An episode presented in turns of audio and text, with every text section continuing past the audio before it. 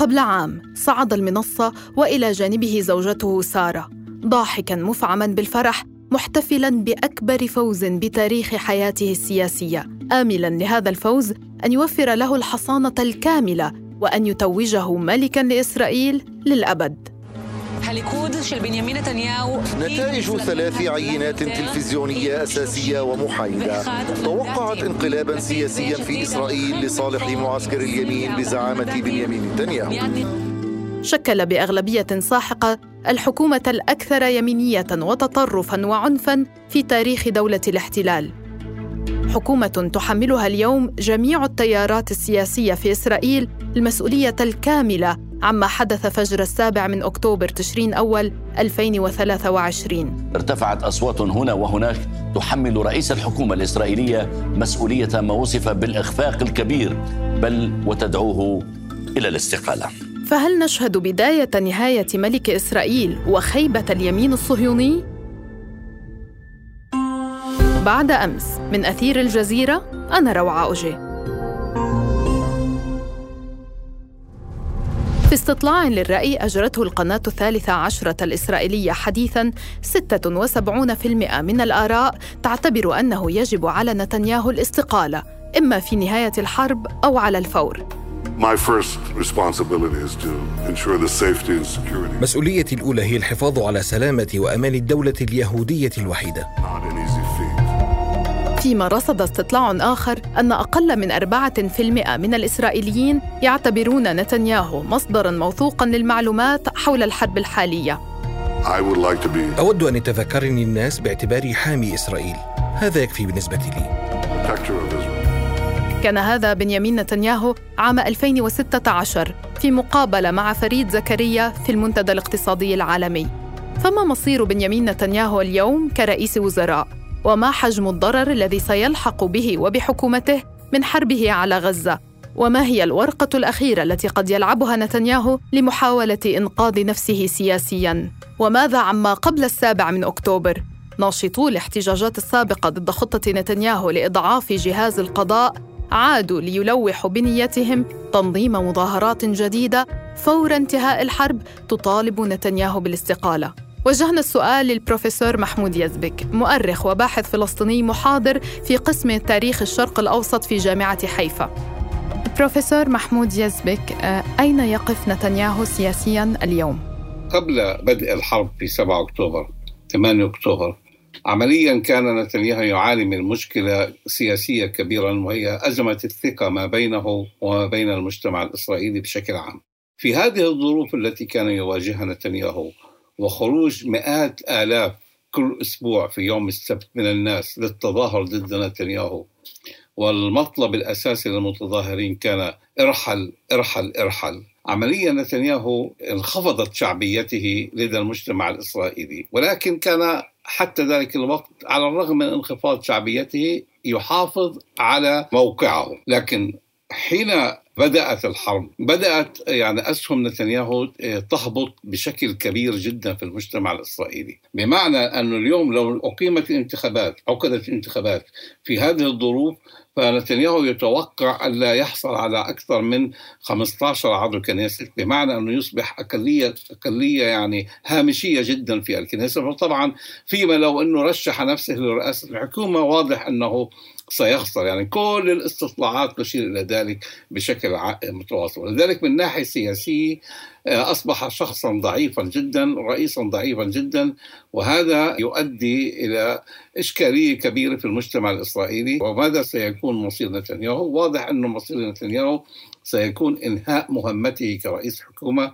وهذه الفترة الطويلة من وجوده في المشهد السياسي الإسرائيلي تنتهي بشكل سلبي جدا يعني البيوغرافي لنتنياهو الذي حاول طول الوقت أنه يجعل نفسه وكأنه الشخصية الأهم والأقوى في تاريخ دولة إسرائيل منذ 75 عام. لكن كل هذه التوقعات وكل هذه التحليلات لا تمنعه من المحاولة تقريبا في جميع خطاباته خلال العدوان على غزة انغمس في التاريخ واستخرج منه مقولات يقدم أجندته من خلالها ما هي الفكرة الأساسية التي يقدم بنيامين نتنياهو نفسه سياسيا من خلال هذا الخطاب لناخبيه؟ يعني نتنياهو هو يعرف ويقرأ التاريخ لأنه والده كان مؤرخ المؤرخ للحركة اليهودية والصهيونية. يعرف جيدا ماذا يقتبس من التاريخ ليخدم مصلحته السياسية. يعني وهذا الخطاب بدأ يطوره منذ يعني ثلاث سنوات أربع سنوات الأخيرة وليس يعني وليد اليوم. ولكن هو يخدمه يعني خدمة كاملة بأنه أرض بين قوسين اقتباس أرض إسرائيل هي ملك كامل للشعب اليهودي والتوراة وعدت الشعب اليهودي بأرض إسرائيل لتكون له وهو كممثل لهذا الشعب اليهودي يعني يريد أن يحقق هذه النبوءة في هذا الوقت بالذات يعني في هذا الوقت العصيب الذي يمر به المجتمع الإسرائيلي.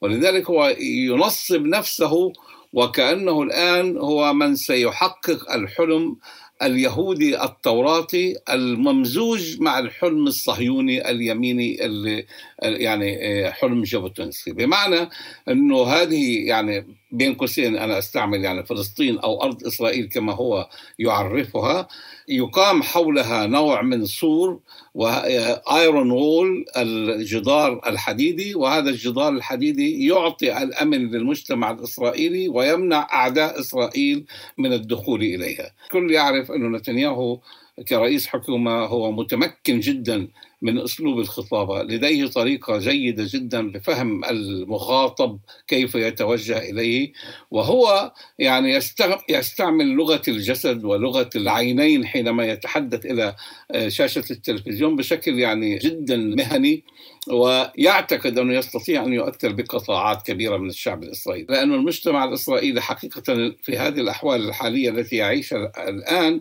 هو بحاجة لأفكار غيبية أكثر مما أنها تكون أفكار عملية لأنه لا يوجد أي شيء عملي يعطيه.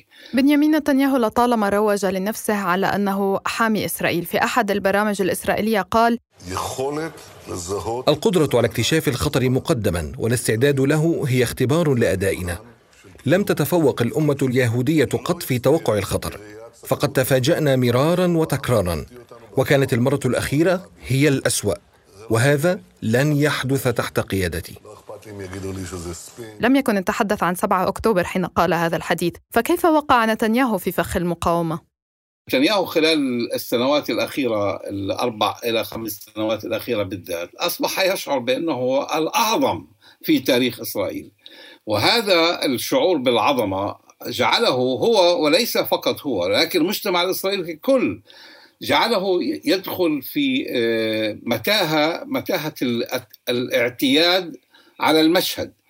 فالاعتياد على المشهد هو إنه قناعة لدى المجتمع الإسرائيلي بأنه هذا المجتمع وهذه الدولة أقوى دولة في الشرق الأوسط لديها كل المعدات من أجل آه، يعني ضرب أي قوة أخرى في الشرق الأوسط وحتى الإشارات التي أعطيت من غزة خلال السنوات الأخيرة خمس سنوات ست سنوات الأخيرة بأن هنالك تغير كبير في غزة وهنالك تغير كبير في قوة جنوب لبنان في قوة حزب الله في الشمال لكن المجتمع الإسرائيلي اقتنع بسبب الشعارات التي رفعها نتنياهو ومثل ما قلت يعني سوقها بشكل جميل كبير جدا للمجتمع الإسرائيلي الذي استطاع أن يقنع المجتمع الإسرائيلي بأنه كل هذه يعني الضجة التي تطور حول حول إسرائيل هي ضجة يعني لا قيمة لها لأنه هو موجود ويستطيع أن يعني يقنع المجتمع الإسرائيلي بإمكانيته بحمايته. واعتادت القيادة العسكرية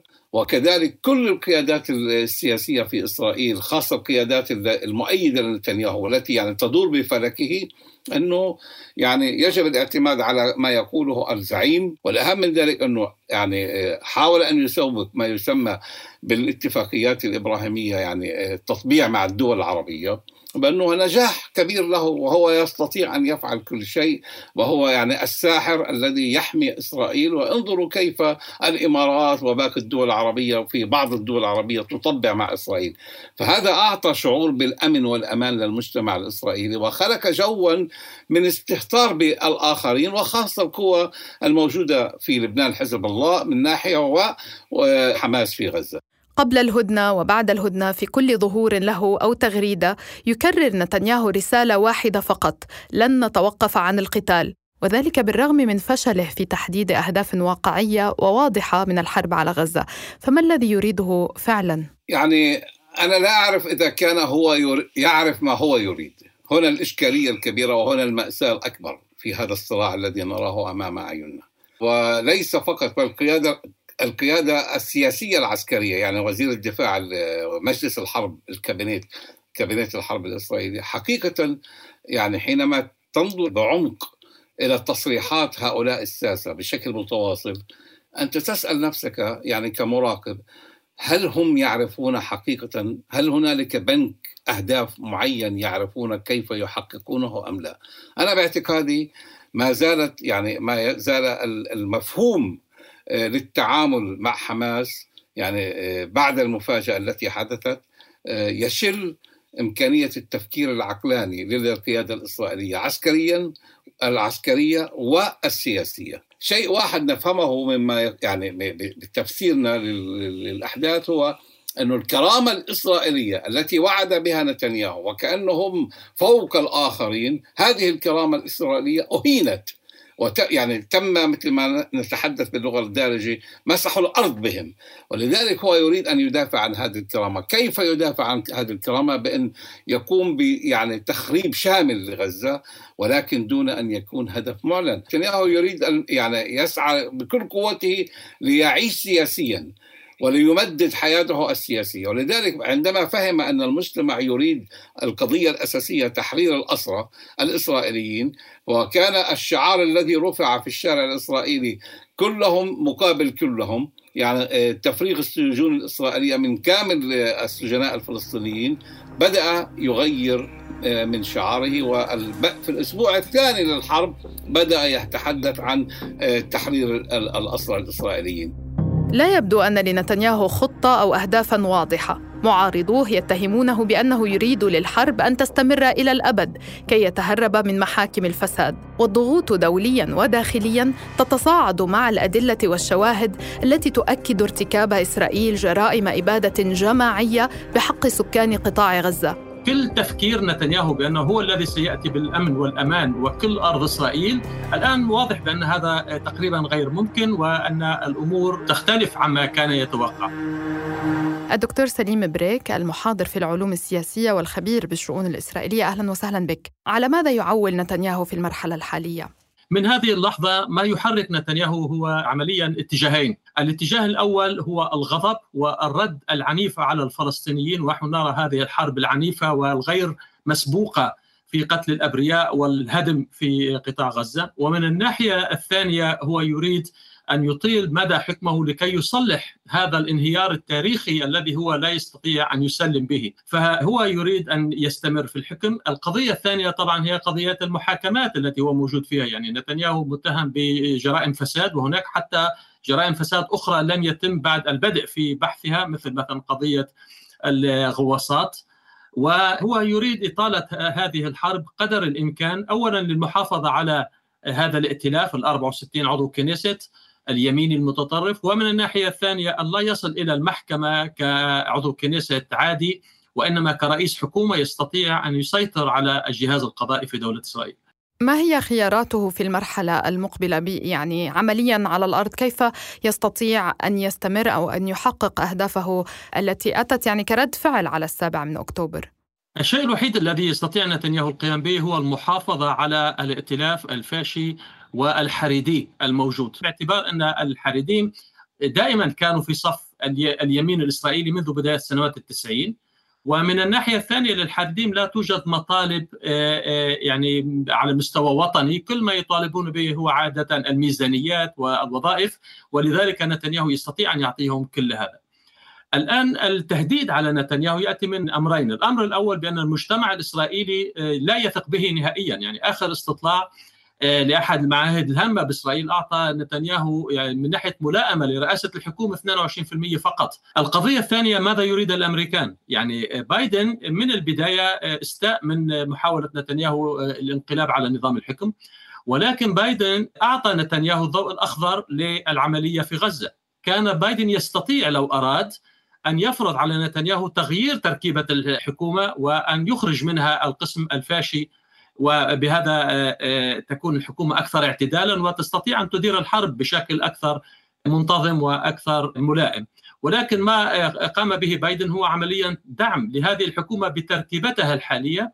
ولذلك نتنياهو الآن يبني اولا على أن الحرب مستمرة بموافقة بايدن وعليه فإنه لن يسقط.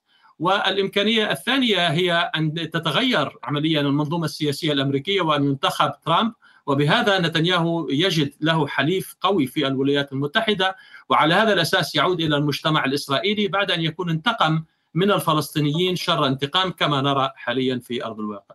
طب هذا من جانب ما يريده نتنياهو والأمريكان، ماذا عن اليمين المتطرف اليوم؟ يعني هناك الكثير من الأصوات داخل إسرائيل آه، توجه اللوم لليمين المتطرف، واليمين المتطرف يعني بدا ممتعضا من إدارة نتنياهو للمشهد، فهل هم فعلا ما زالوا في صفه؟ اولا اليمين المتطرف هو فعلا المسؤول عما حدث في 7 أكتوبر لأنه هم بدأوا بكل المضايقات للفلسطينيين والاعتداء على الفلسطينيين في الضفة الغربية في حوارة وعدة أماكن. القضية الثانية هو عمليا الدخول إلى المسجد الأقصى مرة تلو الأخرى والاعتداء على الفلسطينيين في المسجد الأقصى وعلى مقدسات المسلمين. يعني هذا كان قلب الأسباب لطوفان الأقصى.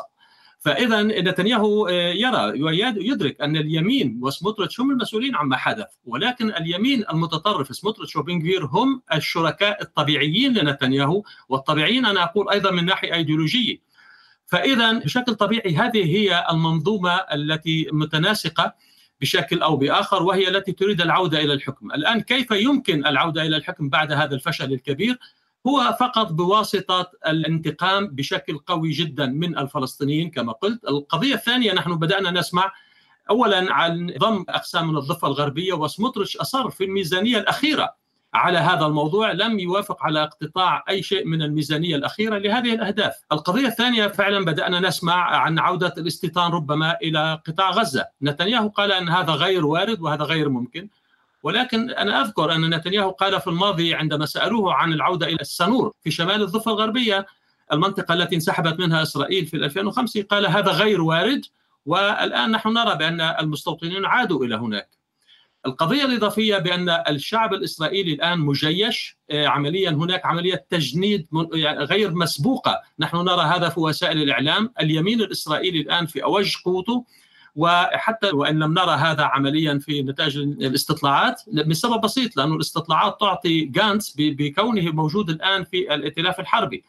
ولكن في نهاية المطاف غالبية المجتمع الإسرائيلي حوالي 70% من اليهود في إسرائيل هم يمين بكل مفهوم الكلمة وعلى هذا يبني نتنياهو للمستقبل القريب. طيب يعني برأيك هل يستطيع نتنياهو أن ينتشل نفسه من المأزق الذي هو فيه الآن أم ما زال الوقت مبكرا للتوقعات لأي انتخابات مقبلة؟ هو يعمل الآن على هذا الموضوع يعني بالوقت التي تدار فيه الحرب في غزة هو يدير حرب ضد رؤساء الجيش رؤساء الاستخبارات يدير حرب ضد آه، بيني جانس يدير حرب ضد كل المعارضة اولا وثانيا هو يدير حرب شعواء ضد المواطنين العرب في إسرائيل وبواسطة بنكفير هو يريد إخراج العرب في إسرائيل من الحلبة السياسية أو على الأقل من الشرعية السياسية وبهذا ستبقى الساحة مفتوحة أمام اليمين.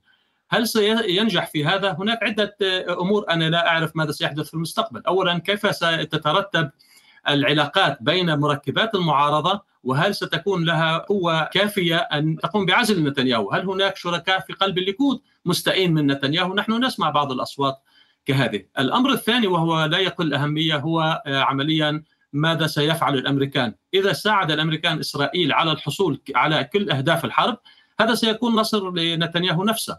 وأما إذا حاول الأمريكان آه، بضغط عربي أو بضغط دولي أن يخففوا من حدة هذه الحرب على قطاع غزة وعلى الفلسطينيين في غزة. ففي هذه الحالة هذا لن يكون في مصلحة نتنياهو. ونحن بدأنا نرى الخلافات بين البيت الأبيض وبين حكومة نتنياهو، القضية الثانية نتنياهو تعهد أكثر من مرة بالقضاء على حماس. باعتقادي هذا الموضوع تسلق على شجرة عالية جدا.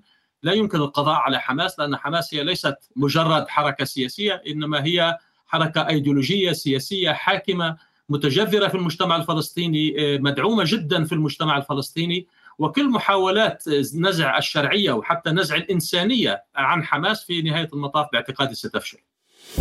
الأكيد أن نتنياهو في مأزق سياسي كبير، والأيام المقبلة ليست مصيرية فقط لمستقبل الحياة في غزة، بل لمستقبل حياته السياسية أيضاً. فهل ستنجح تحالفاته اليمينية المتطرفة في إنقاذه، أم أنهم سيسقطون معاً أم أن نتنياهو سيدفع وحده ثمن خطاياه في غزة؟ بعد أمس من أثير الجزيرة تابعونا عبر كافة منصات البودكاست وأرسلوا لنا أسئلتكم ومقترحاتكم في التعليقات عبر حسابات أثير على مواقع التواصل الاجتماعي دمتم بخير ونلتقي بعد أمس